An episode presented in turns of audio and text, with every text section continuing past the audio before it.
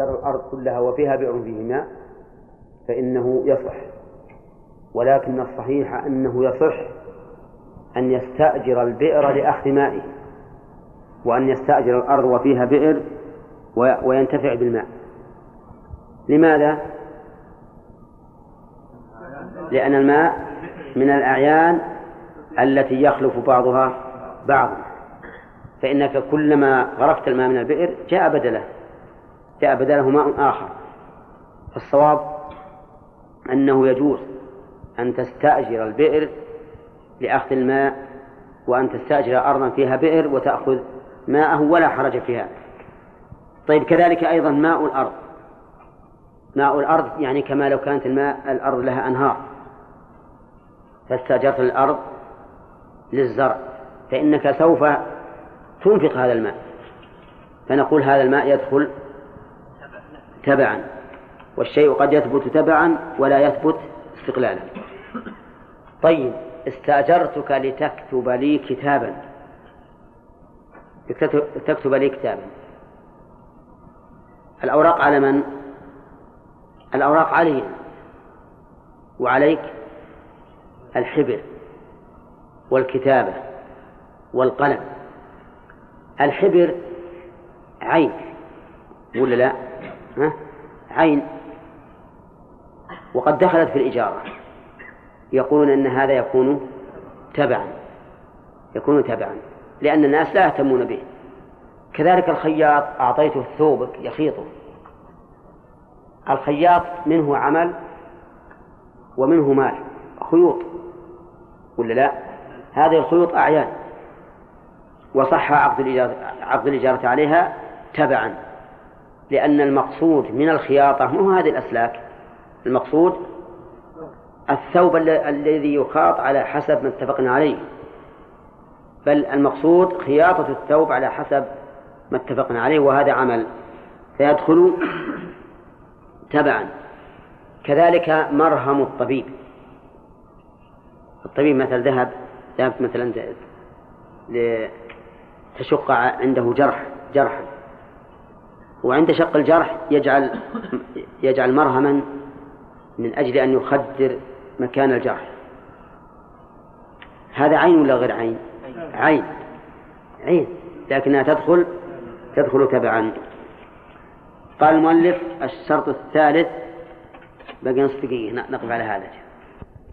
والصلاة والسلام على نبينا محمد وعلى آله وأصحابه أجمعين. قال المؤلف رحمه الله تعالى باب ما جاء في العسل؟ كيف؟ إيه؟ وعن ابن عمر رضي الله عنهما أن النبي صلى الله عليه وسلم قال إياكم والتعري فإن معكم من لا يفارقكم إلا عند الغائط وحين يفضي الرجل إلى أهله فاستحيوهم وأكرموهم رواه الترمذي وقال هذا حديث حسن غريب قال إياكم والتعري هذا من باب التحذير والتعري يعني خلع الثياب. فحذر النبي صلى الله عليه وسلم من خلع الثياب. ولا شك أن هذا النهي محمول على ما إذا لم يكن هناك حاجة. أما إذا كان هناك حاجة كما لو تعرض الإنسان للاغتسال فلا بأس به. وقد ثبت في صحيح البخاري أن موسى عليه الصلاة والسلام اغتسل عريانا ووضع ثوبه على حجر فهرب به الحجر. ولكن إذا لم يكن حاجة فلا ينبغي للإنسان أن يتعرض. أما إذا كان هناك حاجة سواء كانت الحاجة الشرعية كالاغتسال للجنابة أو كانت الحاجة عادية كالاغتسال للتنظف والتبرد فلا بأس به. وقول فإن معكم من لا يفارقكم إلا عند الغائط. يريد بذلك الملائكة الذين وكلوا بحفظ بني بحفظ بني آدم أو بحفظ أعمال بني آدم ما يلفظ من قول إلا لديه رقيب عتيد. أحدهما عن اليمين والثاني عن الشمال. هؤلاء يفارقوننا عند الغائط ولكنهم لا يبتعدون عنا ولا يفوتهم شيء من أعمالنا وإن فارقونا ومن ثم قال بعض الناس ساخرا قال إذن إذا أردت أن أعمل معصية فإنني أدخل الحمام لأن الملائكة آه، تفارقني في هذه الحال. نقول هذا غير صحيح. بل إن الملائكة وإن فارقتك فإنها تعلم ما تعمل فتكتبه ثانيا حين يفضي الرجل إلى أهله لأنه إذا أفضى إلى أهله فإنه سوف يكشف عن عورته. والملائكة تستحي أن تكون مع رجل قد كشف عن عورته. قال فاستحيوهم وأكرموهم. يعني ولا تتعروا لأن ذلك يؤدي إلى مفارقتهم. وهذا الحديث ضعفه كثير من أهل العلم لكننا شرحناه على تقدير صحة الحديث. ثم قال باب ما جاء في العزل عن جابر رضي الله عنه قال كنا نعزل على عهد النبي صلى الله عليه وسلم والقرآن ينزل متفق عليه. قوله كنا نعزل معنى العزل أن يعزل الرجل عن زوجته إذا جامعها حتى ينزل خارج الفرج. حتى ينزل خارج الفرج. يفعل ذلك لئلا تحمل لأن الحمل إنما يكون من الماء. فإذا أنزل خارج الفرج لم يكن هناك ماء وحينئذ لا تحمل. وقول جابر والقرآن ينزل الجملة هذه حالية الغرض منها الاستدلال على جواز العزل. ووجه ذلك أنه لو كان العزل محرما لكان القرآن ينهى عنه. وهو كذلك أي أن العزل جائز. ولكن هل هو مستوي الطرفين؟ الجواب لا. ليس مستوي الطرفين. بل تركه أولى لعدة أمور.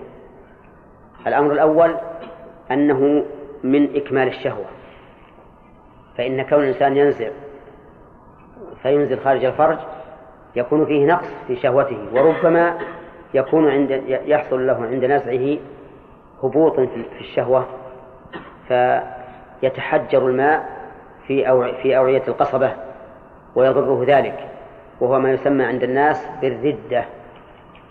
ثانيا أن فيه تنغيصا على المرأة فإن المرأة لا بلا شك لا تقضي شهوتها إذا أنزل الإنسان خارج الفرج ويكون في هذا شيء من الاعتداء على حق المرأة.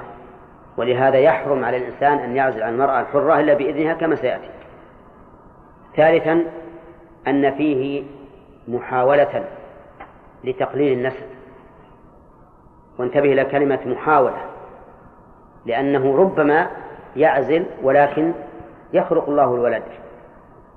لكن فيه محاولة لتقليل النسل الذي هو خلاف مراد النبي صلى الله عليه وسلم. فإن النبي صلى الله عليه وسلم قال تزوجوا الودود الولود فإني مكاثر بكم يوم القيامة.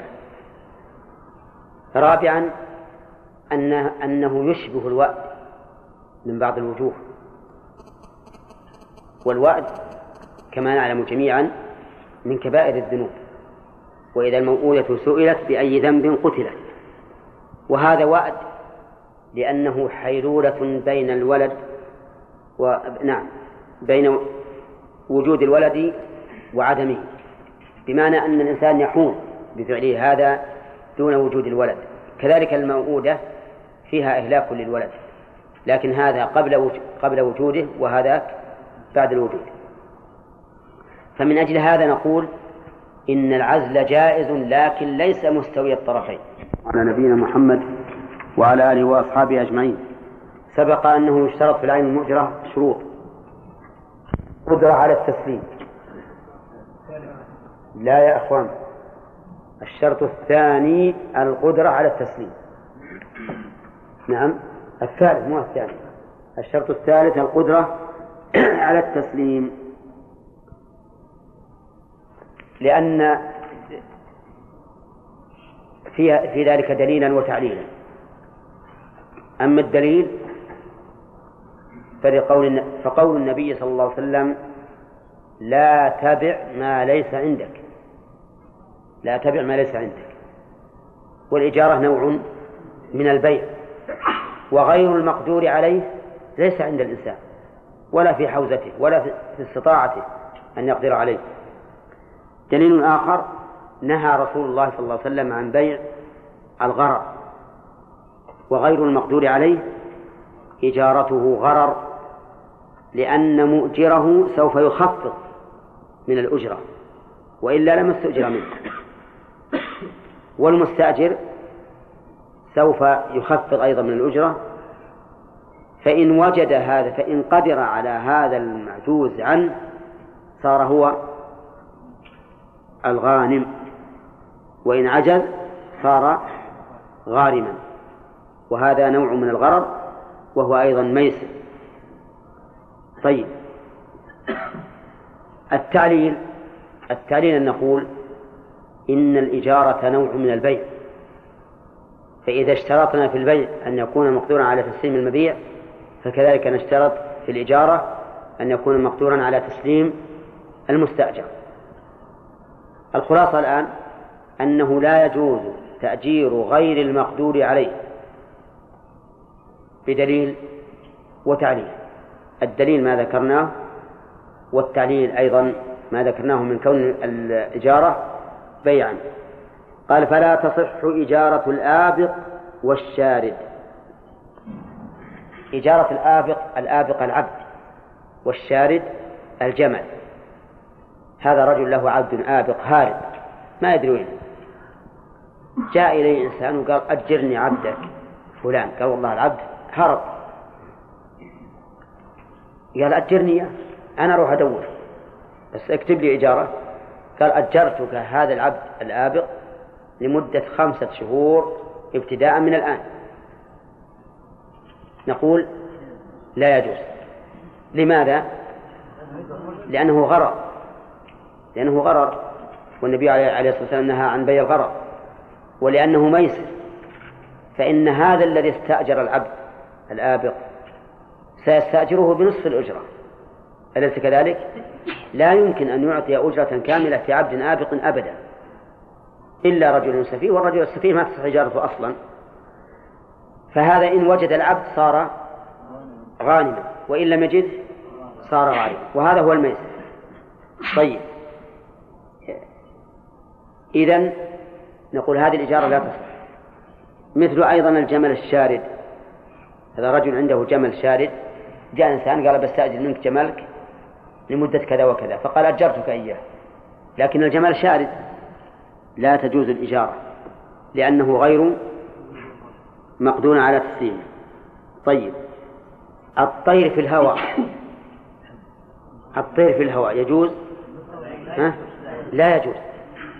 أن تؤجر طيرا في الهواء كإنسان استأجر صقرا ليصيد به فلا يجوز. حتى لو ألف الرجوع لو ألف الرجوع وكان من عادته أن يرجع في الليل فإنه لا يصح تأجيره وهو في الهواء. لاحتمال أن لا أن لا يرجع. احتمال أن يرمى احتمال أن يهلك فلا يصح إجارته. الرابع اشتمال العين على المنفعة. وسبق في, في, في الباب قبل الفصل أن تكون المنفعة مباحة. إذا فلا بد من أن أن أن يكون في العين منفعة. وأن تكون المنفعة مباحة. اشتمال العين على المنفعة هذا واحد وأن تكون مباحة سبق التنبيه عليه. اشتمال العين على المنفعة فلا تصح إجارة بهيمة زمنة لحمل لماذا؟ ما ما يمكن أن أستوفي المنفعة. إنسان عنده جمل زمن. الزمن اللي ما يستطيع المشي. فجاء إليه رجل قال أريد أن تؤجرني جملك لأسافر عليه إلى الرياض بمئة ريال. قال الجمل الجمل زمن ما يقدر يمشي ولا يقوم ولا يقف قال ما خالف أجرني إياه. يجوز ولا لا؟ ما يجوز لأن المنفعة متعذرة فلا يجوز أن يؤجره.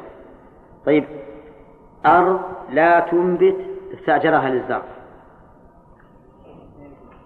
لا يجوز؟ ليش؟ ها؟ لأن المنفعة التي يريدها لها المستأجر متعذرة. فلا يجوز أن يستأجر أرضا لا تنبت للزرع. لكن كيف نعلم أنها لا تنبت؟ ها؟ إي نعم تكون سبخة. سبخة معروف ما تنبت ولا الشجر العادي. هذا لا يجوز أن يستأجر للزرع. طيب إن استأجرها لوضع أشياء فيها مثل أن يضع فيها مواصير أو أخشابا أو غير ذلك مما يوضع في الأرض يجوز ولا لا؟ يجوز لأن المنفعة المقصودة ممكنة. طيب الشرط الخامس أن تكون المنفعة للمؤجر أو مأذونا له فيها. الشرط الخامس أن تكون المنفعة للمؤجر.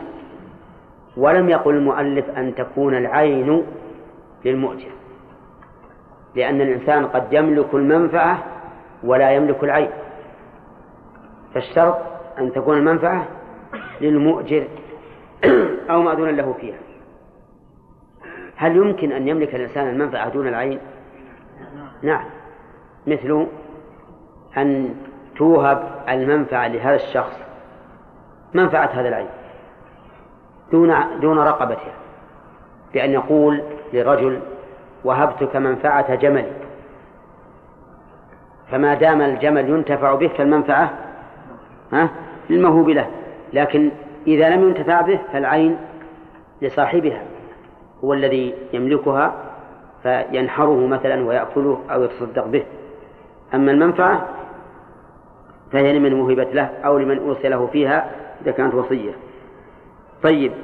ومن ذلك أيضا قوله لا أو مأذونا له فيها. من المأذون له فيها؟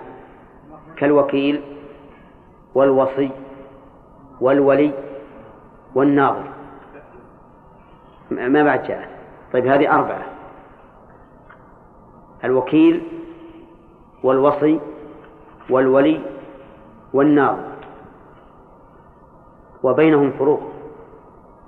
الوكيل هو من أذن له في التصرف من أذن له بالتصرف في حياة الآذن في حياة الآذن.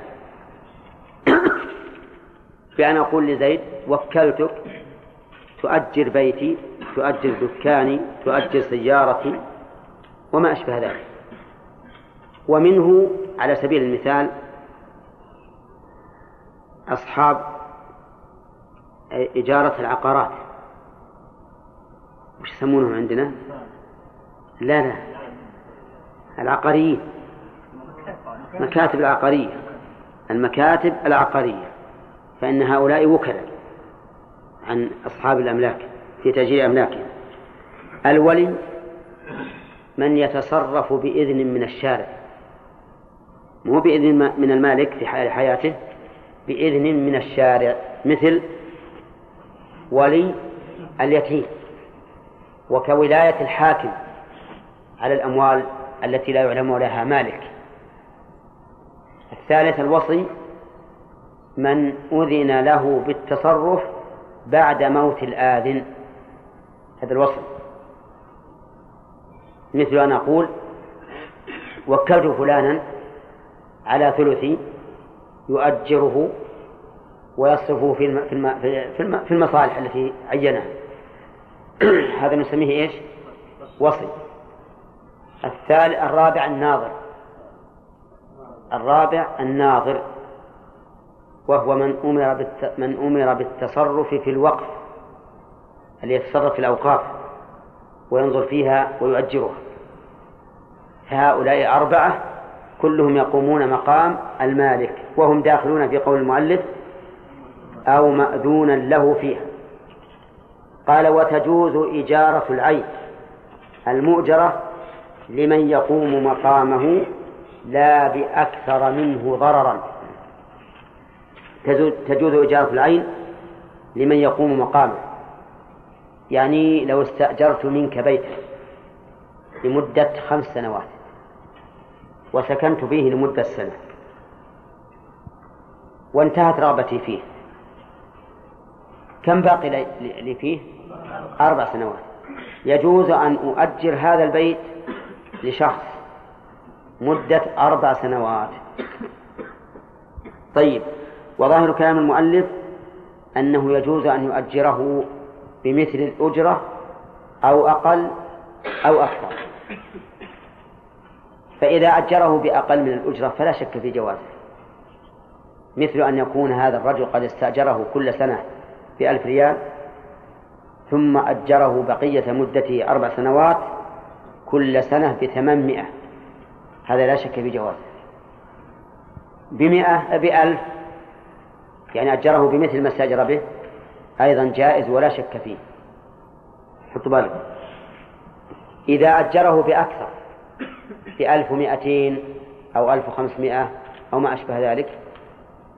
فهل يجوز أو لا؟ نقول ظاهر كلام المؤلف الجواز لأنه أطلق قال تجوز إجارة العين المؤجرة ولم يقل بأقل من الأجرة أو بمثلها. فيشمل ما إذا أجر بأكثر أو بأقل أو بمثل. وقال بعض أهل العلم لا يجوز إجارة العين المؤجرة بأكثر مما استأجرها به. لأنه يربح فيما لم يدخل في ضمانه. وقد نهى نهى النبي صلى الله عليه وسلم عن ربح ما لم يضمن. فهذا الرجل الذي ربح في الأجرة في منافع ما حصلت له ما دخلت في ضمانه حتى الآن. لأن ما تدخل في ضمانه إلا بعد قبضه ولا يقبض المنافع إلا ساعة بعد ساعة ويوما بعد يوم وشهرا بعد شهر فهي غير داخلة في ضمانه وحينئذ تكون داخلة في الحديث الصحيح أن الرسول صلى الله عليه وسلم نهى نهى عن ربح ما لم يضمن. لكن المشهور من المذهب يقولون لأن هذا مالك للمنفعة والمالك له أن يبيع بمثل الثمن أو أقل أو أكثر. طيب يقول لكن لمن يقوم مقامه في في استغلال أو في استيفاء المنفعة لا بأكثر منه ضررا فلو استأجرها شخص للسكن وأجرها آخر ليتكون مستودعا ها؟ يجوز ولا لا؟ ما يجوز أيهما أكثر ضررا؟ المستودع استأجرها للسكنى فآجرها غسالا. لا يجوز؟ ليش؟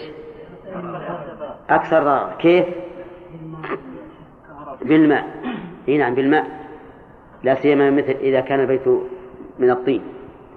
استأجرها للسكنى فآجرها حدادا. ها؟ كذلك. أشد ضرر. كل النهار ينفخ في الكير وتسود الجدران وتفسد. طيب. أجرها طحانا ها؟ مثله لأن الرحضات تؤثر تحرك الجدران تهزها فالمهم أنه لا يجوز أن يؤجرها لشخص أكثر منه ضررا طيب استأجرها وهو أعزب أو ليس له إلا زوجة واحدة وآجرها رجلا له أولاد وأطفال ها. لا نوسع التبع الحين.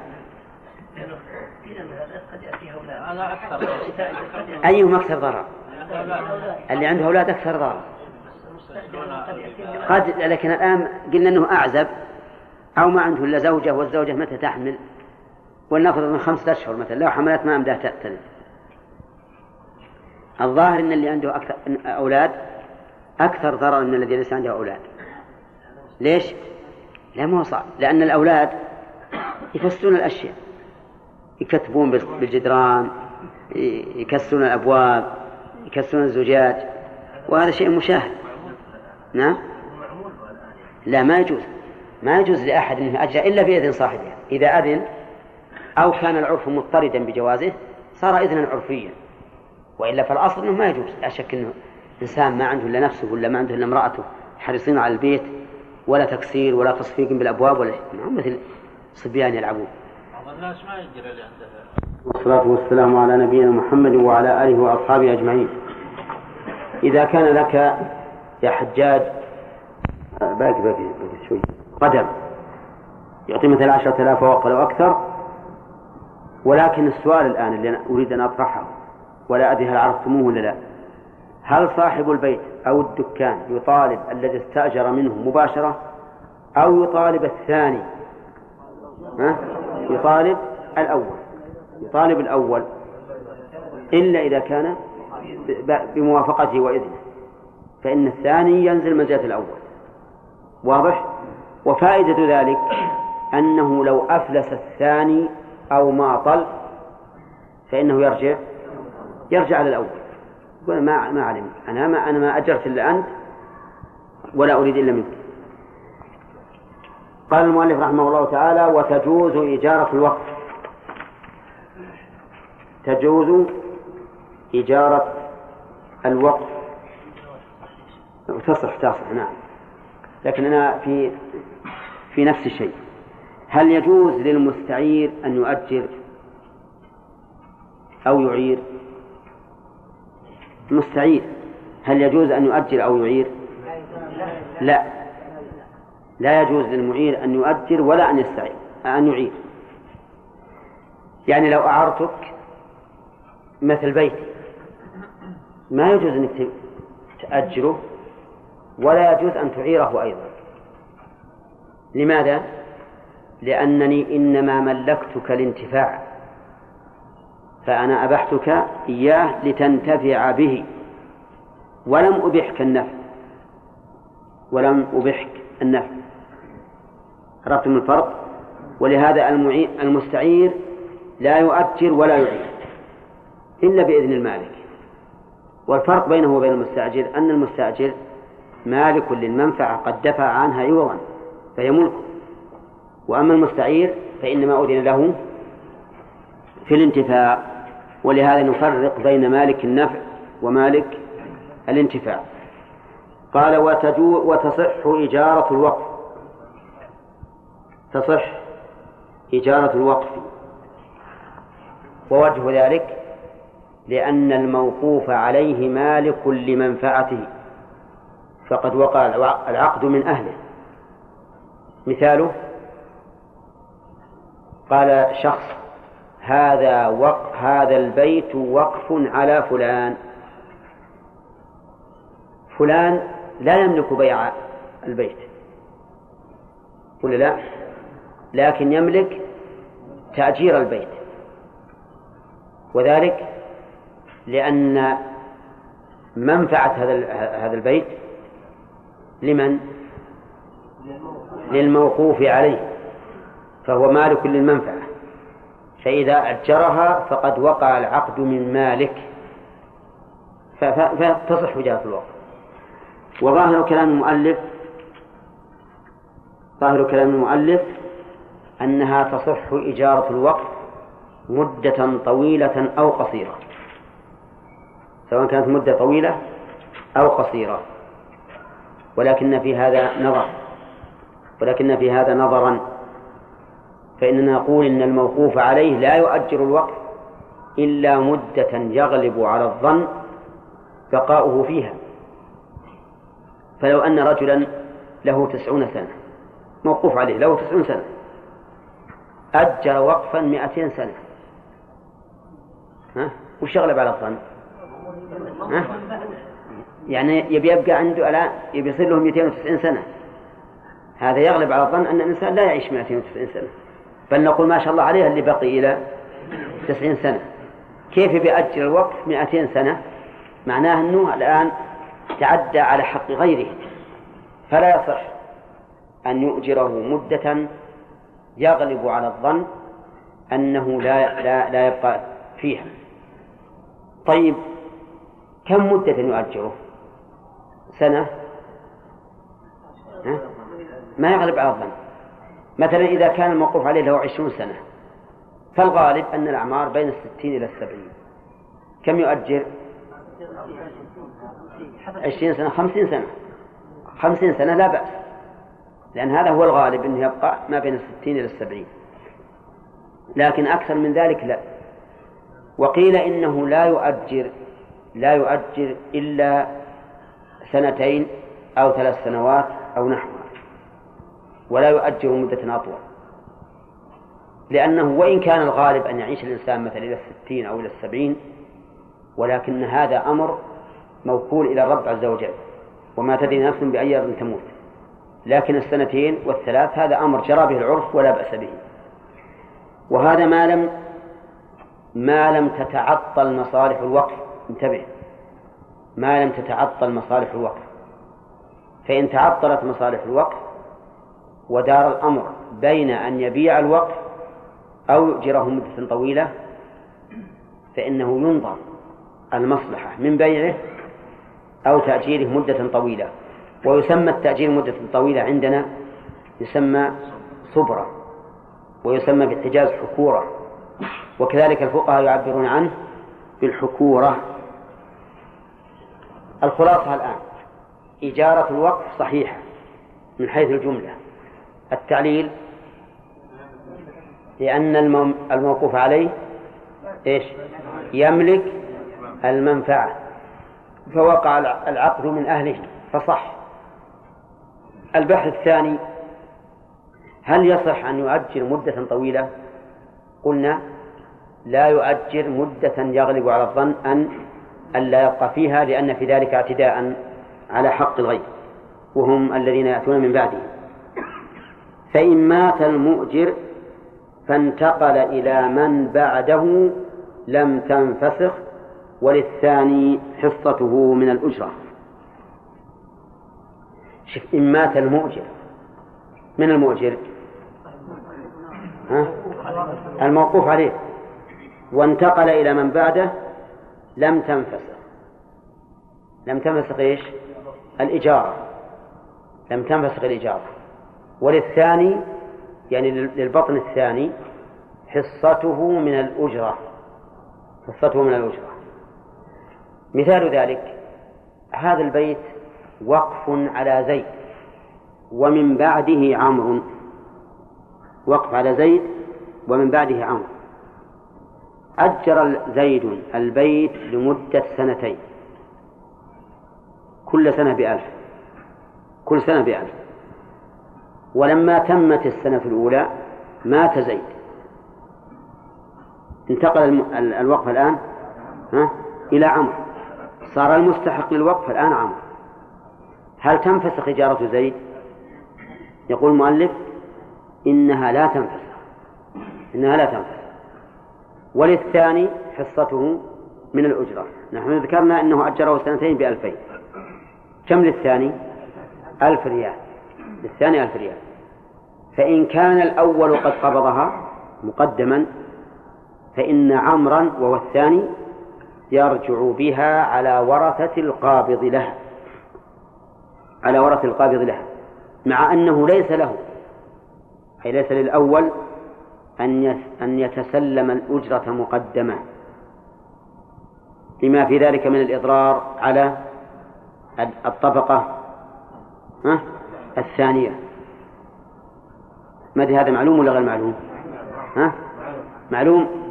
طيب إذا نقول إذا آجر الوقف ومات في أثناء المدة فإن الإجارة ها لا تنفسخ لا تنفسخ تبقى وللثاني حصته من الأجرة فإذا مات بعد مضي نصف المدة فللثاني نصف الأجرة. إن مات بعد مضي ثلاثة أرباع المدة فللثاني ها ربع المدة وهكذا. طيب. هذا هو الذي مشى عليه المؤلف.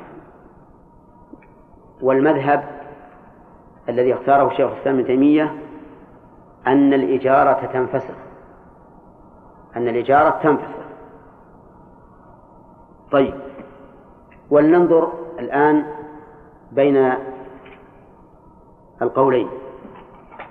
الذين قالوا إنها لا تنفسخ قالوا لأن هذا الموقوف عليه أجره في مدة يستحق المنفعة فيها. ولا لا؟ مهب له المنفعة؟ إذا وقع العقد صحيحا من أهله فوجب تنفيذه وإذا مات لم تنفسخ كما لو أن رجلا أجر بيته لشخص رجل أجر بيته لشخص ثم مات فإن الورثة لا يفسخون الأجرة الإجارة. لا يفسخون الإجارة. واضح؟ وجه وجه المماثلة بين هذا وهذا يقول لأن هذا الرجل أجر بيته في حال يملك تأجيرا فلم تنفسخ الإجارة بموته.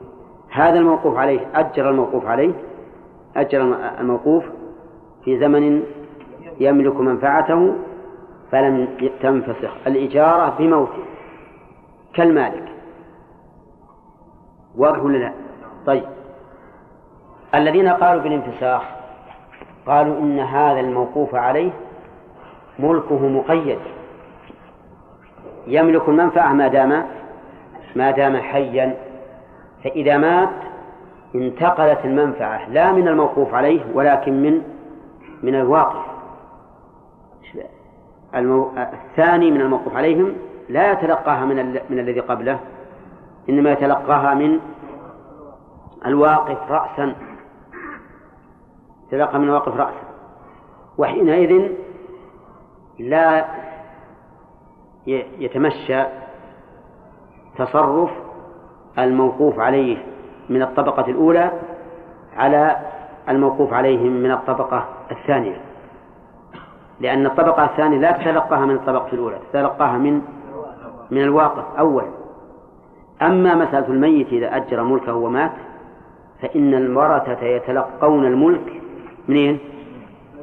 من المورث رأسا والمورث حر في ماله. أرأيتم لو باعه هل يقول ليش يبيعه؟ ما ما يقول هذا. هذا الرجل أجره والملك ملكه وهم إنما يملك يتلقونه من الميت. أما هذا فإنهم لا يتلقونه من الميت وإنما يتلقونه من الواقع.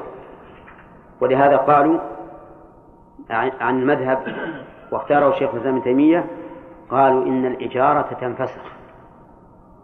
لأن الموقوف عليه إنما يملك النفع ما دام حيا فقط. ويملك من الواقف وهؤلاء يملكونه أيضا من من الواقف.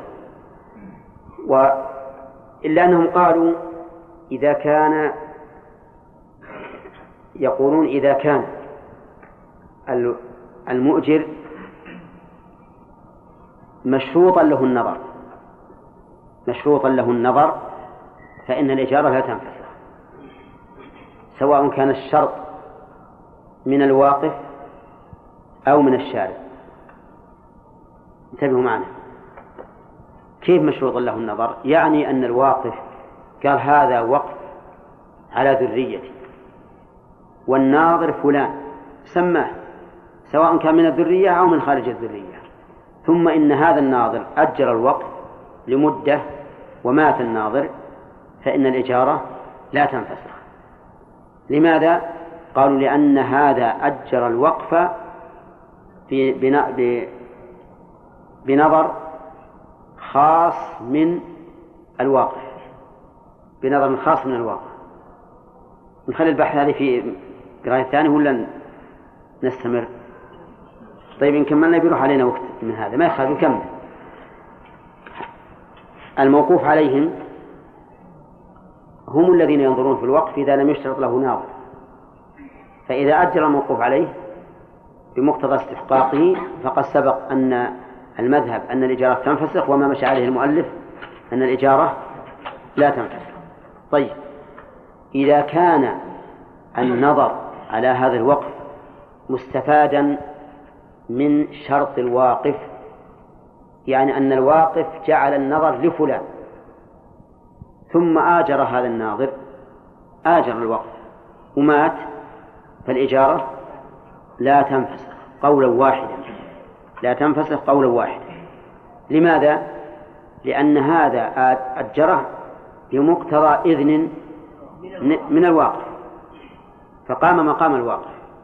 وعلى هذا فنقول إذا كان الوا... الذي أجر الوقف أجره بمقتضى تنصيب الواقف له فإن الإجارة لا تنفسخ قولا واحدا. طيب. لو كان هذا الوقف مؤجرا من قبل القاضي بأن يكون هذا البيت وقفا على الفقراء. الوقف على الفقراء ناظره من؟ القاضي. القاضي أجر هذا الوقف ومات القاضي.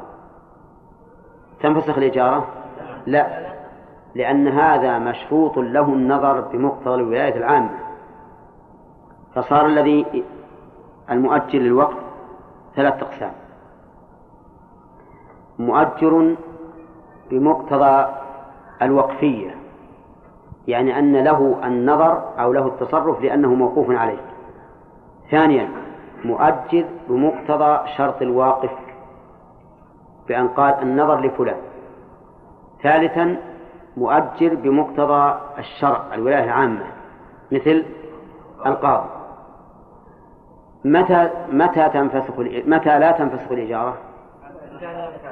في الحالين إذا كان الحاكم أو إذا كان المشروط له النظر. من قبل الواقع. هذا الإجارة لا تنفسخ قولا واحدا. إذا كان التأجير من الموقوف عليه لا لأنه مشروط له النظر لكن لأنه هو المستحق. فهنا يأتي الخلاف. فمن العلماء من قال تنفسخ وهو المذهب واختيار شيخ الإسلام ابن تيمية ومنهم من قال إنها لا تنفسخ وهو الذي مشى عليه الماتن. قال لم تنفسخ وللثاني حصته من الأجرة انتبهوا للتفصيل الآن. الخلاصة أن أن مؤجر الوقف ثلاثة أقسام. القاضي من شرط له النظر من آجره بمقتضى الاستحقاق. القاضي ومن شرط له النظر. إذا أجر ومات فإن الإجارة لا تنفسخ بموته قولا واحدا لأن هذا إنما تصرف بإذن من الشارع إن كان هو القاضي أو بإذن من الناظر بإذن من الواقف إن كان الواقف هو الذي جعل النظر له. الثالث إذا كان المؤجر آجره بمقتضى استحقاقه.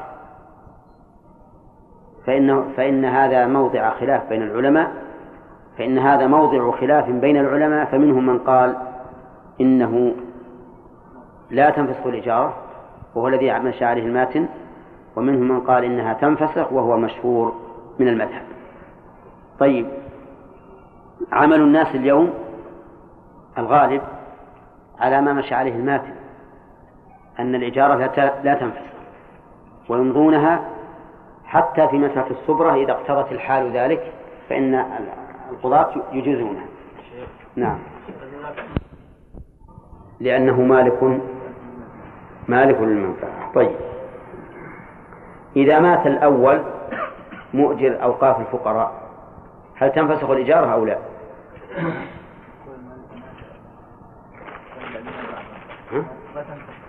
لا تنفسخ. طيب. لأنه أجرها لكون نعم لكونه ناظرا بالشرط لكونه ناظرا بالشرط طيب إذا مات الثاني الأخ أي نعم الموقوف عليه إذا أجرها ثم مات هل تنفسخ الأجرة أو لا تنفسخ؟ ها؟ لا تنفسخ قول واحد في المسألة ولا فيها خلاف؟ ها؟ ما هو الذي مش... ما هو الذي ذهب إليه المؤلف؟ أنها لا تنفسخ أنها لا تنفسخ كذا؟ توافقون على قوله؟ نعم. طيب. القول الثاني نصر؟ إي نعم. القول الثاني أنها تنفسخ وهذا هو المشهور من المذهب. طيب. ذكرنا أن الناظر إما أن يكون ناظرا بالشرط وهو أجنبي من الوقت أو ناظرا بالشرط وهو من أهل الوقت أو ناظرا بالاستحقاق. فأما الأول والثاني فإنه إذا آجر لا تنفسخ الأجرة قولا واحدا. وكذلك الحاكم لأن نظره عام.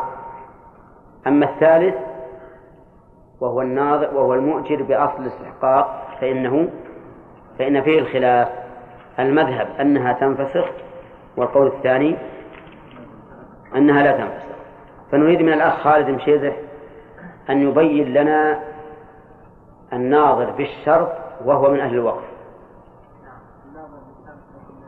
نعم. مثال الناظر بالشرط وهو أجنبي من الوقف. لا ما حضرت أمس؟ ها؟ الناظر بالشرط وهو أجنبي. نعم. والناظر عليه أخي. طيب إذا أجر أخوه هذا الوقف ثم مات. لا لا تنفذ لا تنفذ صح. لأنه ناظر بالشرط. آه مثال للناظر بأصل الاستحقاق يا ليان نعم.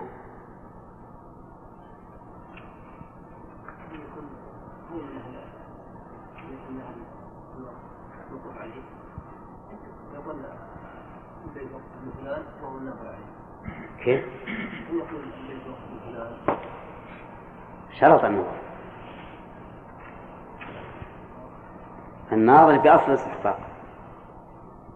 عبد الله؟ الزيداني الأول كيف؟ يقول هذا وقف على زيد نعم فيكون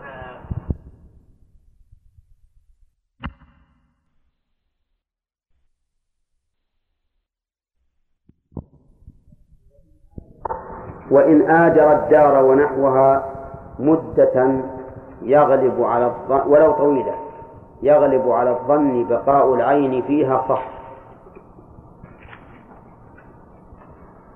يعني لو أجر الإنسان مو مو بالواقف أجر الدار ونحوها مدة طويلة يغلب على الظن بقاء العين فيها فإنه يصح.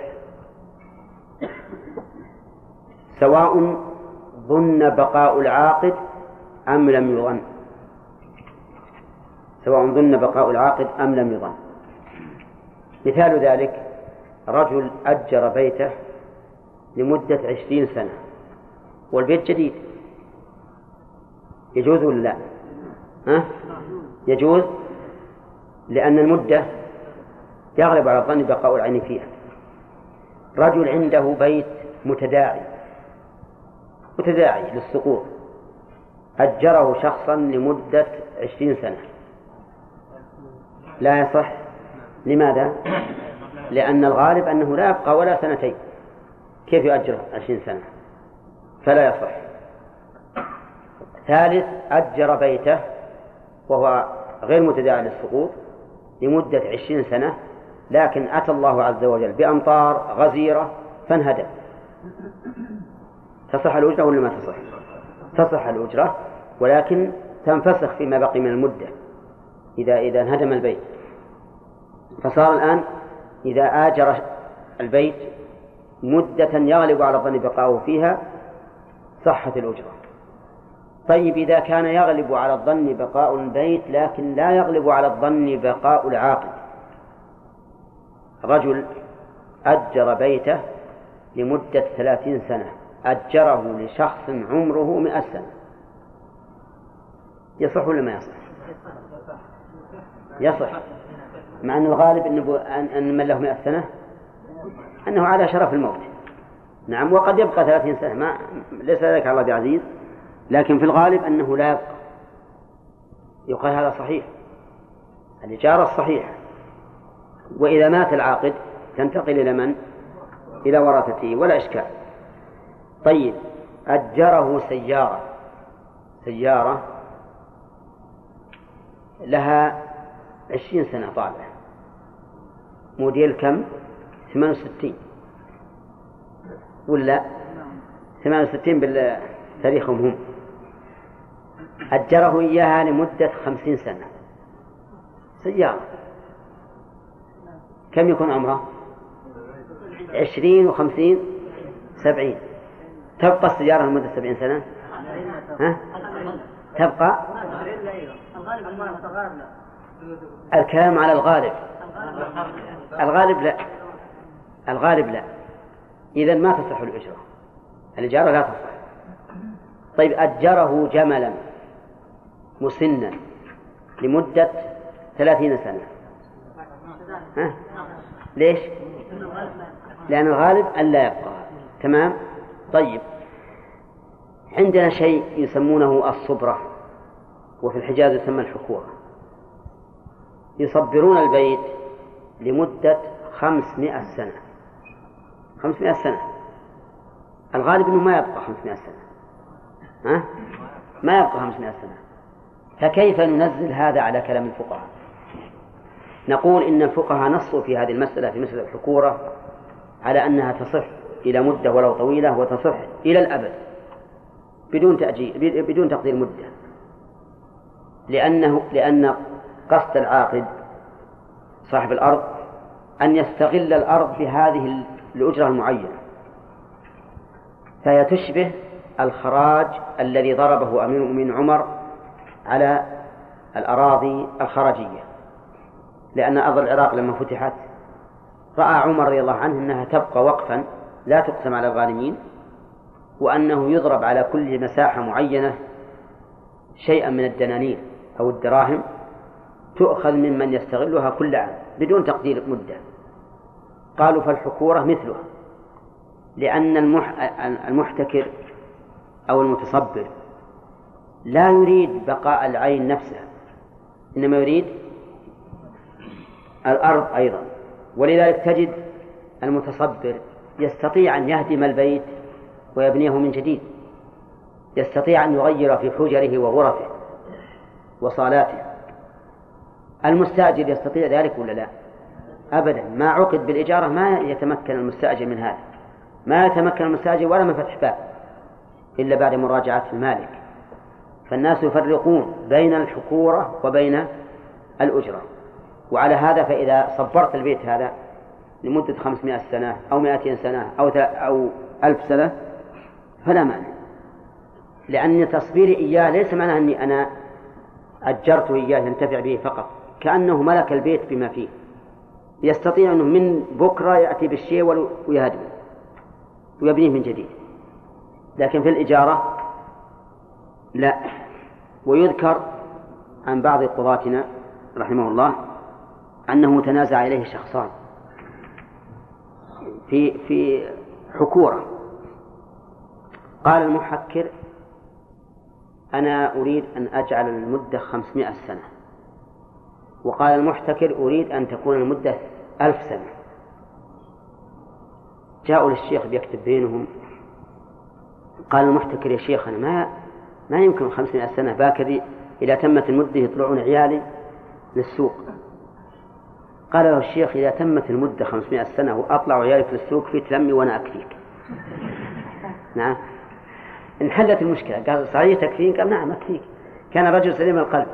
قال ما دمت تكفين؟ أجل أكتب 500 سنة. بدل ألف سنة. على كل حال يجب أن نعرف الفرق بين الأجرة وبين إيش؟ الصبرة أو الحكورة المحتكر ليس يريد أن ينتفع فقط بل يريد أن ينتفع بالعين والمنفعة ويستطيع أن يغير العين ويهدمها ويبني من جديد ويتصرف كما شاء بخلاف إيش؟ بخلاف المستأجر حتى لو انهدمت الدار في باب الحكورة يرجع على المحكر ولا لا؟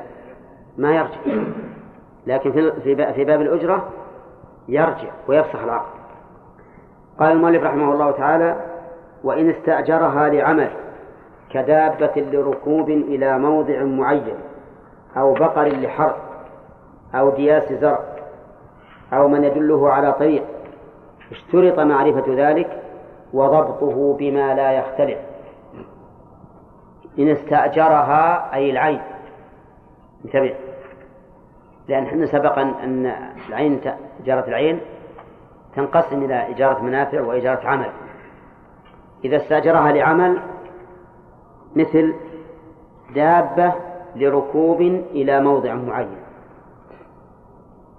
يجوز ولا لا؟ يجوز أن يستأجر الدابة لركوب إلى موضع معين. مثل يقول استأجرت منك البعير لأحج عليها. يجوز. لأن الموضع الحج معلوم ولا لا؟ طيب استأجرتها لأسافر بها إلى الرياض. يجوز لأنه موضع معين. ولكن إن اختلفت الطرق بالسهولة والوعورة وجب أن يعين أي الطريقين أراد. لماذا؟ لأن المؤلف قال في الأخير وضبطه بما لا يختلف. لا بد أن يعين. طيب إذا استأجر بقرا لحرث إذا استأجر بقرا لحرث يجوز ولا لا؟ استأجرت منك بقرة لحرث هذه المساحة من الأرض. يجوز. لكن لابد أن تعرف الأرض. لأن الأرض إما سهلة فيسهل حرثها وإما شديدة قوية فيكون حرثها صعبا وقويا. فلا بد أن نعرف الأرض التي ستحرث بالبقر طيب لدياس زرع يجوز ولا لا؟ ها؟ يجوز لدياس الزرع كيف دياس الزرع؟ شلون دياس الزرع؟ يعني نجيب البقر يدوس لنا الزرع وهو على سوقه ها؟ لا لكن نحصد الزرع ثم نجمعه في مكان وهو البيدر ثم نأتي بالبقر ونجعلها تمشي عليه تدوس. من أجل أن يخرج الحب ويتميز عن السوق والورق هل شاهدتم ذلك؟ ها؟ أين؟ منكم من شاهد ومنكم من لم يشاهد. عبد الرحمن شاهده صفها لنا. رأيت ليس فقط. والزرع. بسوقه وأوراقه مكدس ثم يربط مثلا أنا رأيت أربعة أو خمس تربط جميعا وتدور ومربوطة في الخشبة هذه بالحبل وتدور على هذا. تدور عدة مرات حتى أنه يندق هذا هذا الدياس. الآن بدل الحرث وبدل الدياس. على البقر صار الحرث والدياس بالآلات. ولا لا؟ ذريات وحراثات فلا بد أن إذا استأجرنا حراثة أو ذراية لا بد أن يكون العمل معلوما لا بد أن يكون العمل معلوما.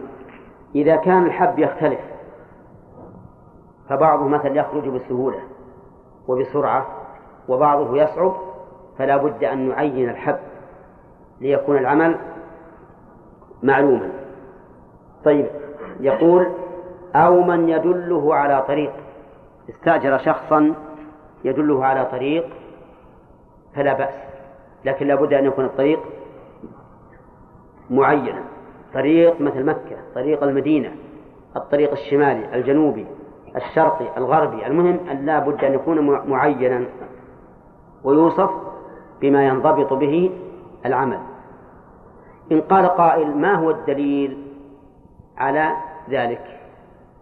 الجواب الدليل عدم الدليل.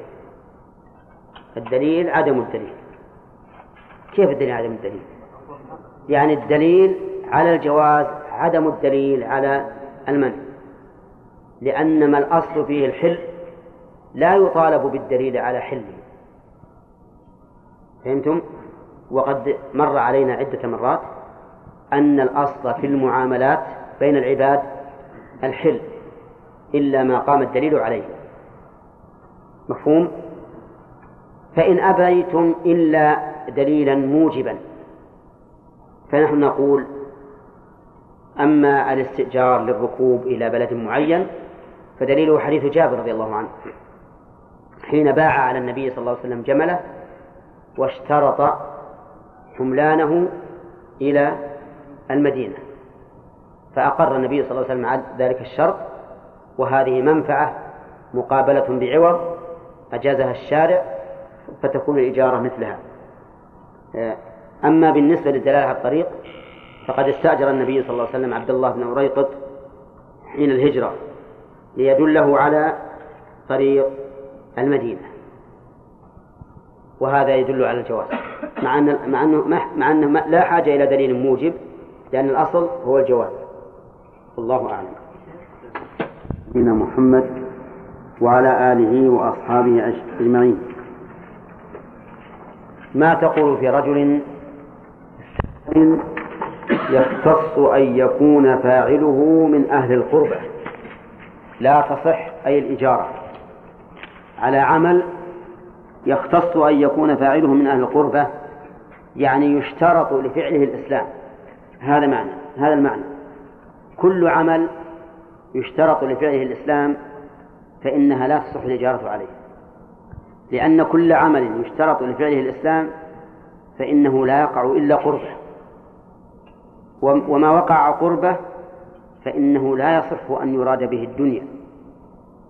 لقوله تعالى من كان يريد الحياة الدنيا وزينتها يوفي إليهم أعمالهم فيها وهم فيها لا يبخسون. أولئك الذين ليس لهم في الآخرة إلا النار وحبط ما صنعوا فيها وباطل ما كانوا يعملون. فهدد الله عز وجل من يريد بعمل الآخرة الدنيا. إذن كل قربة لا تصح الإجارة عليها. كل قربة. لماذا؟ عجيب أولا لقوله تعالى من كان يريد الحياة الدنيا وزينتها. ثانيا أن ما قصد به وجه الله لا لا يجوز أن يراد به ما دونه. وكل ما سوى وجه الله فهو دون ذلك. يعني كل الدنيا دون إرادة وجه الله. فكل ما يقصد به وجه الله لا يرى لا يجوز أن يراد به إيش؟ ما دونه. أي ما دون وجه الله. مثال ذلك الصلاة. واحد رأى شخصا لا يصلي. قال تعال يا أخي أبى أتفق مع أنا وياك كل صلاة بخمس ريال كل صلاة بخمس ريال يأخذ باليوم كم؟ خمسة وعشرين. قال ما يخالف إذا كان إجارة فأنا أقبل. هذا بدأ يصلي كل يوم ولا صار صلى الأخير جاء أمي قال أعطني 25 ريال. يجوز ولا لا؟ لا يجوز. لأن هذا مما يشترط فيه الإسلام ولا يقع إلا قربة. الصلاة لا تقع إلا قربة. هذه من وجه من وجه آخر. هل أنا انتفعت؟ هل أنا انتفعت؟ لا ما انتفعت لأن الصلاة لك أنت. أنا ما انتفعت بشيء. فأنا أعطيك عوضا بدون معوض ويكون هذا من أكل المال بالباطل. طيب رجل قال أنا والله ما نمت الأذان يحبسني وتتعطل بعض مصالحي ولكن سنتبون أتفق أنا وياكم بأجرة. كل أذان كم؟ بعشرة ريالات غالي لا بريالين كل أذان بريالين نعم؟ قالوا ما يخالف. كل أذان بريالين ها؟ ولا يكون كصاحب المؤذن الذي أذن وأسقط بعض جمل الأذان. وقالوا ليش يا فلان؟ أسقط بعض جمل الأذان. قال لأنهم أخذوا على الراتب قيمة الطوابع. لما نقص الراتب فنقص الأذان لأنه عوض معوض. المهم أن هذا الذي قال أنا لا أؤذن إلا بأجرة. واستأجرناه على الأذان. يجوز ولا ما يجوز؟ لا يجوز. ليش؟ لأن الأذان لا يقع إلا قربه. فهو ذكر الله عز وجل ولهذا يشترط فيه النية. طيب. استأجرنا شخصا يقرع علينا الباب كلما دخل الوقت. كل ما دخل الوقت يجي يطق علينا الباب يقول انتبهوا للصلاة. يجوز ولا لا؟ يجوز. يجوز لأن هذا عمل ما ما هو قربة. لا مو واجب المهم أن هذا عمل غير قربة فيجوز. ففرق بين الأذان الذي لا يقع إلا قربة وبين أن يأتي واحد ينبهنا ونؤجره. ما في مانع هذا. ومن أجل ذلك نقول إنه لا يجوز أن يجعل بدل المؤذن شريط مسجل. شريط مسجل. فإن هذا حرام. ومن اتخاذ آيات الله هزوا. يقال لي إن بعض الناس يجعل شريط مسجل يركبه له ساعات معينات. نعم. ومخلي هذا عند السماعة فإذا جاء حان وقت الأذان شغل المسجل وقام يسمع بالميكروفون. يجوز هذا؟ هذا لا يجوز حرام بلا شك. كما أنه لا يجوز أن نجعل إمامنا شريطا مسجلا. لو جاء واحد سجل صلاة إمام جيد القراءة أو حسن القراءة قالوا يا جماعة تعالوا نصلي بكم التراويح خلف فلان بن فلان من أحسن الناس قراءة.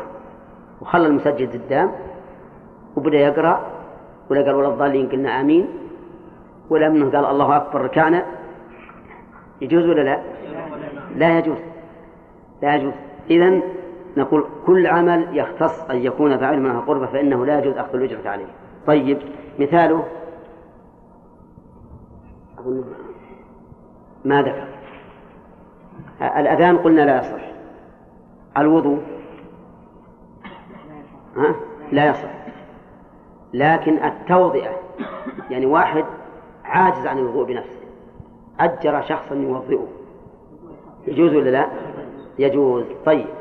قراءة القرآن. لا يجوز أخذ الأجرة عليها. يعني لا يجوز أن نستأجر واحد يقرأ لنا قرآن سواء أردنا أن يكون ثوابه للميت كما يفعله بعض الناس أو أن يكون ثوابه لنا أو أن يكون ثوابه للقارئ. فإن هذا لا يجوز.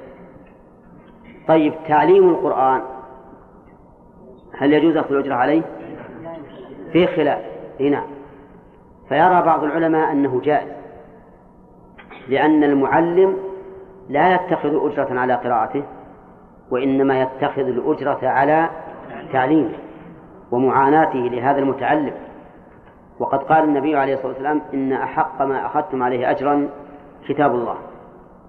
فالتعليم غير القراءة. طيب هل يجوز أخذ الأجرة على قراءة القرآن لشفاء المريض؟ ها؟ الصحيح أيضا أنه يجوز. والأجرة هنا ليست على القراءة بل على البر كما فعل الصحابة رضي الله عنهم كما في حديث أبي سعيد.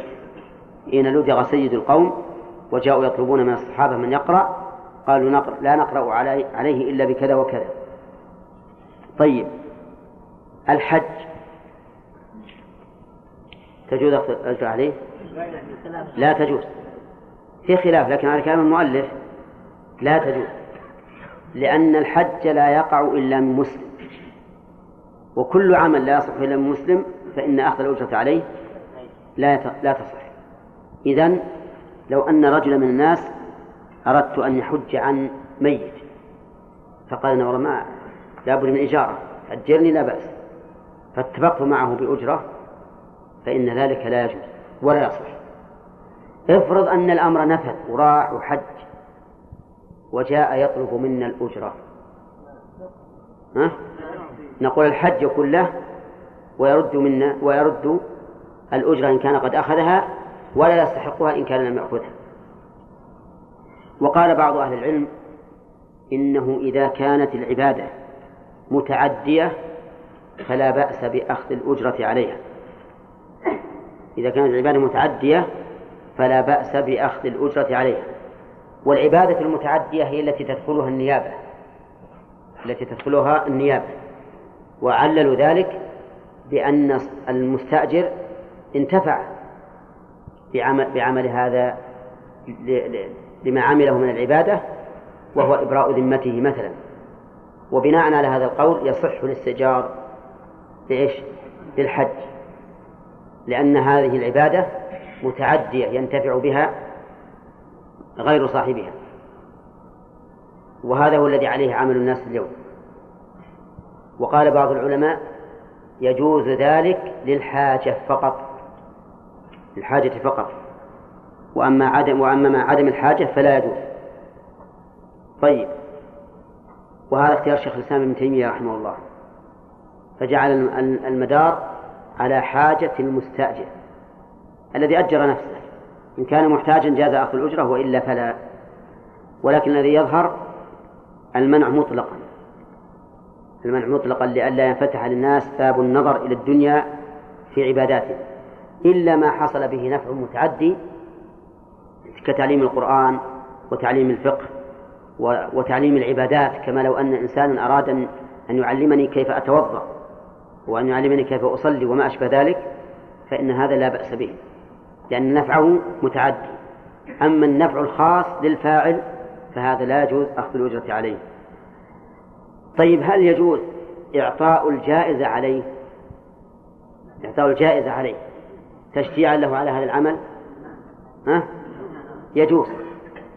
ولهذا يجوز أن نعطي مثلا من حفظ عشرة أجزاء من القرآن نعطي كذا وكذا جائزة ولا مانع. طيب هل من ذلك أن يقول الإنسان لصبيانه وأولاده الذي يصلي منكم أعطيك كل يوم ريال؟ ها؟ يجوز. لأن هذا من باب من باب الجائزة من باب التشجيع.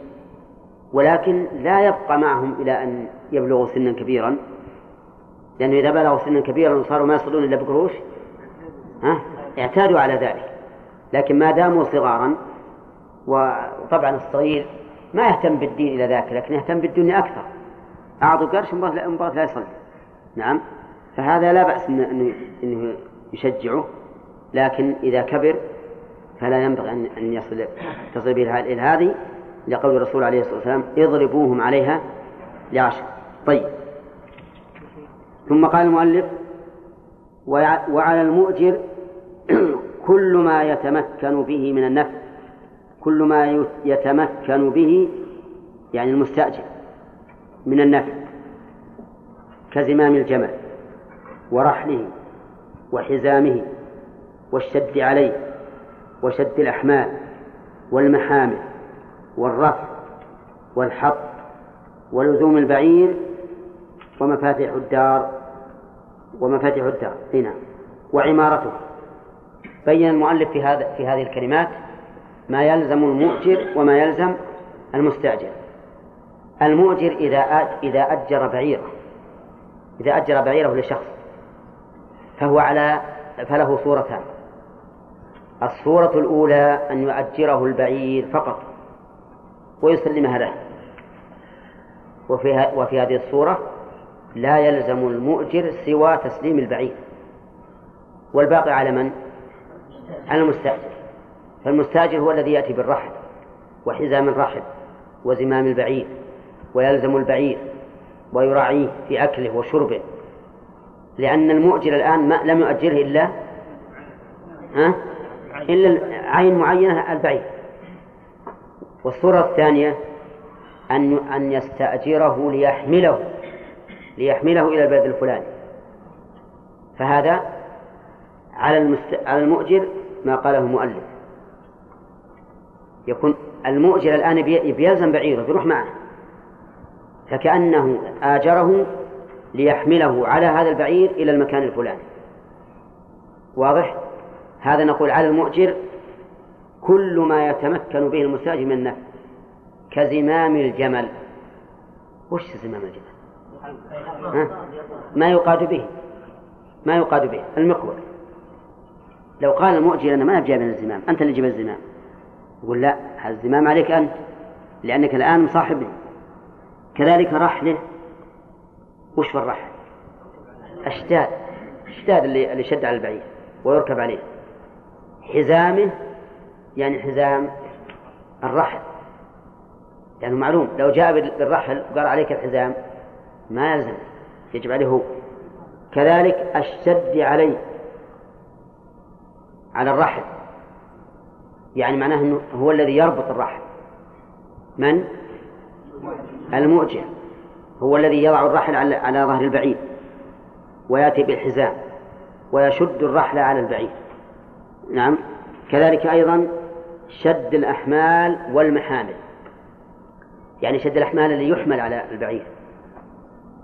مثل متاع المسافر. متاع المسافر يحتاج إلى شد. الذي يشده هو المؤجر الجمال. المحامل كذلك هو الذي يشدها. وش المحامل؟ المحامل ما تحمل على الرحل من أجل أن يركب عليها الراكب. هذه المحامل. فالأحمال ما يحمل كالمتاع. والمحامل ما يشد على الرحل للجلوس عليه وهذا أكثر ما يكون في معاهدنا في رحال النساء. رحل النساء فيما فيما سبق الأمر تغير. فيه شيء مثل مثل البيت من الخشب. نعم له أقواس يوضع عليها الستر وتجلس المرأة في هذا وعليها الستر. ما يراها أحد أبدا. وامرأة أخرى على الجانب الآخر من البعير. يكون يسمونها الناس إيش؟ هودج. يسمى الهودج. وبلغتنا إحنا أهل القصيم نسميه الكواجه. والظاهر أن هذه لغة تركية ها؟ مقصر؟ أي نعم. طيب على كل حال هي تسمى في اللغة الهودج. المرأة تناخ بعيرها عند الخيمة وتنزل من الهودج إلى الخيمة مباشرة من غير أن ترى. وعند الركوب تركب من الخيمة في الهودج. لا يراها أحد. نعم. إلى, أن ترجع إلى بيتها. هذا من الذي يشد هذا الهوادج؟ المؤجر الجمال. طيب. كذلك الرفع والحط. الرفع والحط على الجمال. لو مثلا تنازع المستأجر والجمال الجمال. قال ما أرفعه ارفعنا أنت وأنا بشدهن أبربطهن وذاك يقول عليك الرفع. نعم. آه، على من نحكم؟ على جمال. يقول أنت ترفعهن وشدهن أما تخلي هذاك يرفعهن يمكن أنك تكلفه بعد بعدين تخليه رافعهن دائما تقول خليه بزين الحبل نعم تحلكم علشان يبقي رافعهن يتحل. فعلى كل حال الذي آه، الحط والرفع على المؤجر. لزوم البعير. افرض ان المستاجر نزل ليقضي حاجته. يبول أو يتغوط يبتعد. من الذي يلزم البعير؟ الجمال المؤجر. ما يقول والله أنا ما البعير تمشي مع الإبل ولا عليك منها. ولا أنت الذي تلزمها حتى يرجع صاحبها ويركبها. قال ولزوم البعير ثم قال ومفاتيح الدار. مفاتيح الدار على المؤجر. هذه المشكلة. كل ما سبق هين ويمكن صرحوا فيه. لكن مفاتيح الدار. أجرتك بيتي. وأخذت كل المفاتيح حتى مفتاح الباب الخارجي أخذتها دورت وش أسوي بالباب؟ قال زي المفاتيح أنت المفاتيح على نعم على المؤجر. قصدي أنا قلبت المسألة. المفاتيح على المؤجر لا على المستأجر. يعني معنى ذلك أنه إذا استأجر بيتا فإنه يطالب المؤجر بإيش؟ بالمفاتيح. طالب بالمفاتيح. طيب إذا انكسر المفتاح أو ضاع؟ نقول إن كان بتفريط من المستأجر أو تعدي فعليه. على المستأجر؟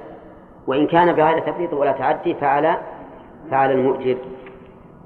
قال وعمارتها وعمارتها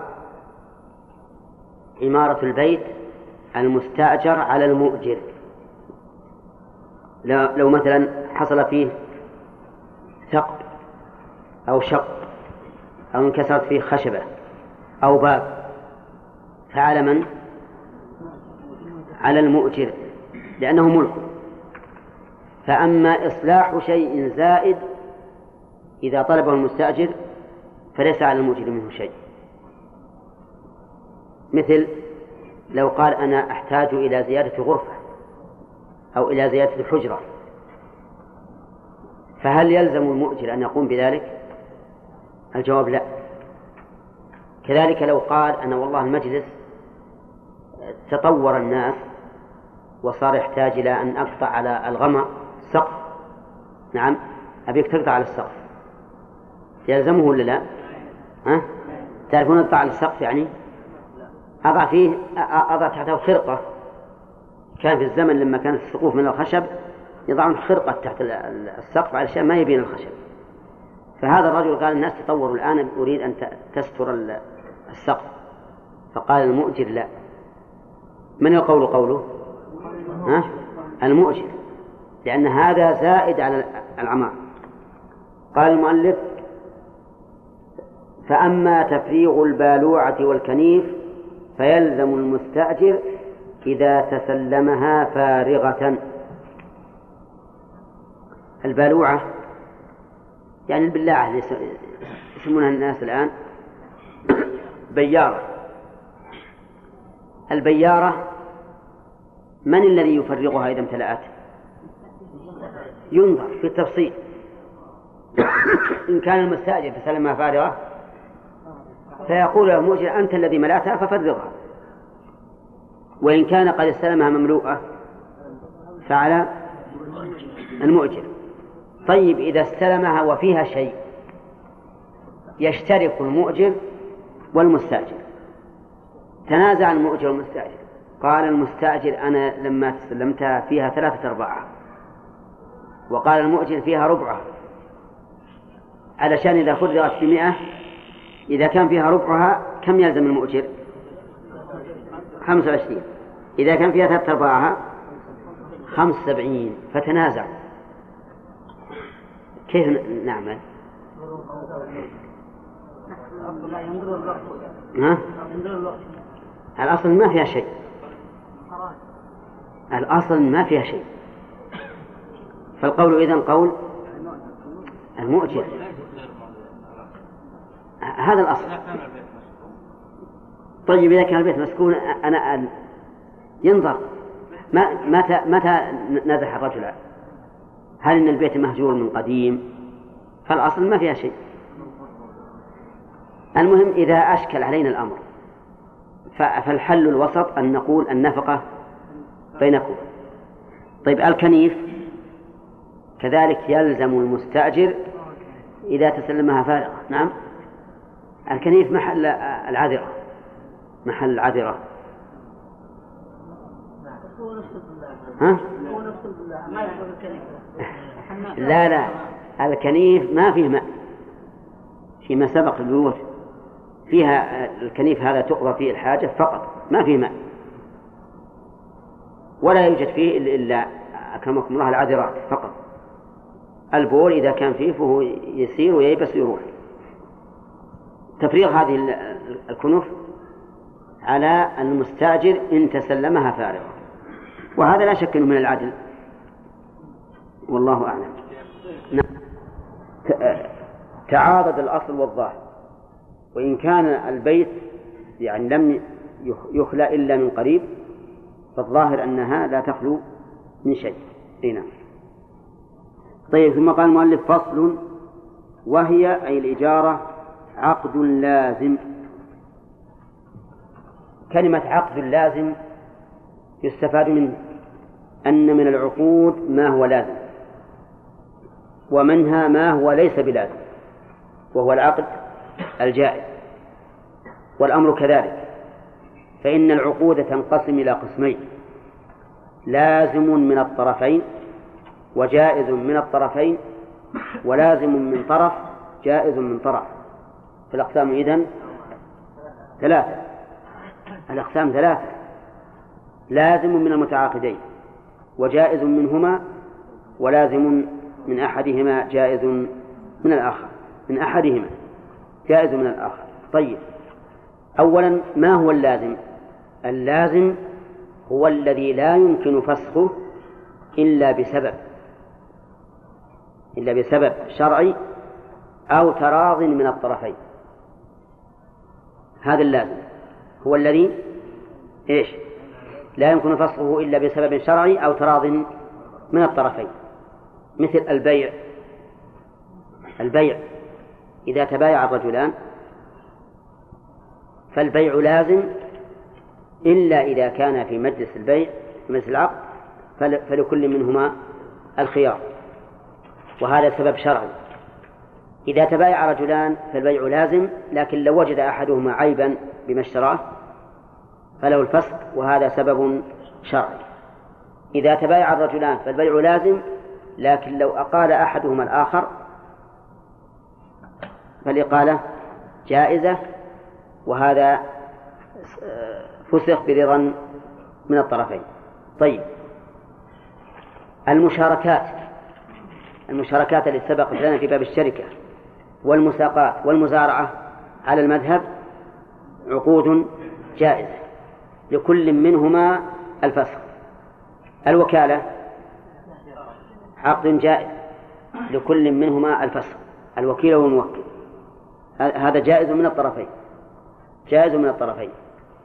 اللازم من طرف دون الآخر إذا كان العقد حقا لأحدهما على أحدهما. حقا لأحدهما وحقا على أحدهما. فهو لمن هو له جائز ولمن هو عليه لازم. مثال ذلك الرهن. الرهن عقد لازم من أحد الطرفين جائز من الطرف الآخر. رهنتك بيتي في دراهم تطلبني إياها. الرهن علي ولا لي؟ علي. إذن هو لازم من قبلي. وللمرتهن؟ جائز لأنه له. فيجوز للمرتهن أن يقول للراهن خذ بيتك. أنا لا أريد الرهن. طيب لو قال لو قال الراهن لا ما به خليه يبقى رهن. قال لا خذ أنا لا أريده. من نأخذ بقوله؟ بقول المرتهن لأن الحق له وقد تنازل. واضح؟ بالنسبة للراهن هل يملك أن يفسخ الرهن بدون رضا المرتهن؟ لا يمكن. فهذا عقد لازم من أحد الطرفين. الإجارة. الإجارة ذكرنا أنها نوع من البيع. ذكرنا أنها نوع من البيع لكنها بيع منافع.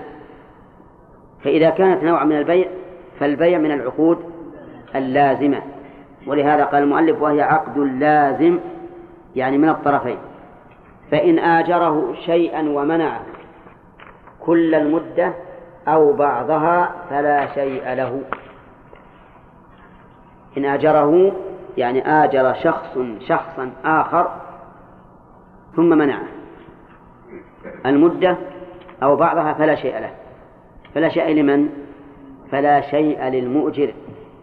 مثال ذلك رجل آجر بيته رجلا آخر لمدة سنة. تبتدئ من ثامن محرم عام 1409 فلما جاء اليوم الثامن جاء المستأجر إلى صاحب البيت قال أعطني البيت. قال له اصبر. جاء من باكر قال اصبر اصبر هالاسبوع هذا. بعده اصبر نصف هالشهر. بعده اصبر هالشهرين. أنا مسلمك. أنا محتاج إلى البيت. أنا حسب إني أبي أخلص شغلي قبل يوم ثمانية والآن ما خلص. اصبر لين يخلص شغلي. طيب هل له أجرة؟ يقول المؤلف ما له أجرة لأنه منعه ما اتفق عليه. وهي سنة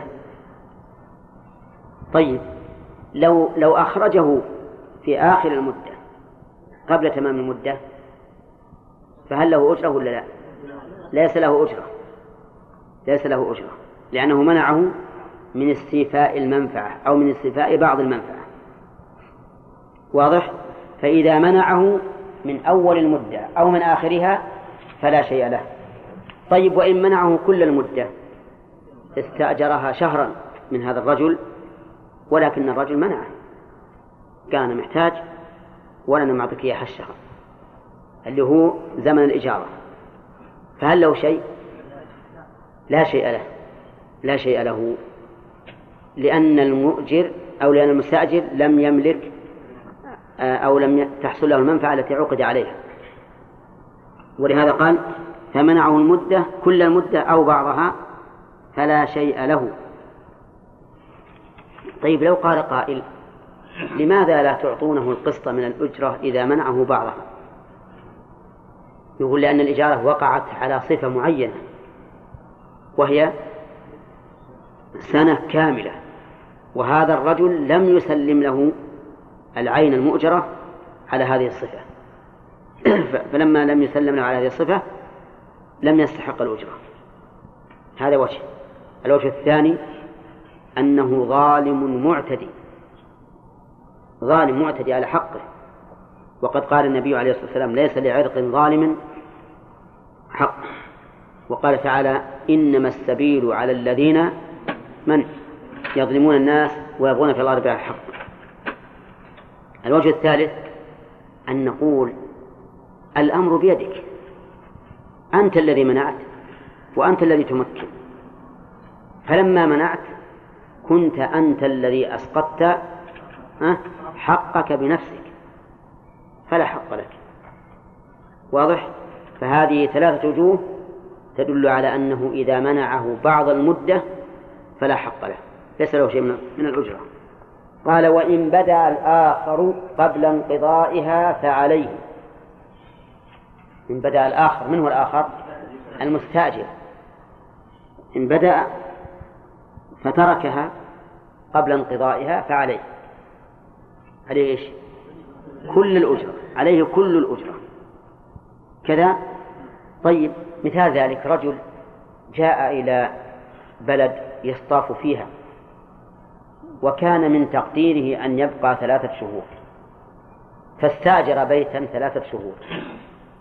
عرفتم؟ ثم بدا له أن يرجع إلى بلده حين تم له شهران. فقال لصاحب البيت أنا الآن استغنيت عن البيت. وأنا مستأجر منك بثلاثة آلاف. والآن بقيت شهرين. فهذه ألفان وألف من المعطيك لماذا؟ قال لأني ما بساكن. صح؟ ها؟ هذا غير صحيح. يعني ما يمكن من هذا. لأن صاحب البيت يقول أنا اتفقت معك على ثلاثة آلاف. أستحقها الآن. وأنا ما منعتك حقك خذ البيت أمامك الآن. كمل. واضح؟ فنقول يلزمه الأجرة كاملة. طيب لو أن هذا الرجل أجر بقية المدة بثلاثة آلاف. المستأجر أجر بقية المدة بثلاثة آلاف. ها؟ يجوز بشرط أن لا يكون أكثر منه ضررا على المذهب. في قول آخر أنه لا يجوز أن يربح في, في, في الأجرة. لكن المذهب هو الجواز وهو الأصح. طيب إذا نقول هذا المستأجر يلزم بدفع الأجرة كاملة. ويقال إن الرجل عقد على كم من ألف؟ ثلاثة آلاف. فعقد الإجارة على صفة معينة ثلاثة آلاف لازم أن تكمل له الصفة هذه وإلا فلا, فلا شيء لك. طيب إذا قال أنا وش ذنبي؟ أنكم تلزمون بأجر الشهر وأنا من موجود نقول الحق لك. استوى في هذا الشهر بنفسك أو ب...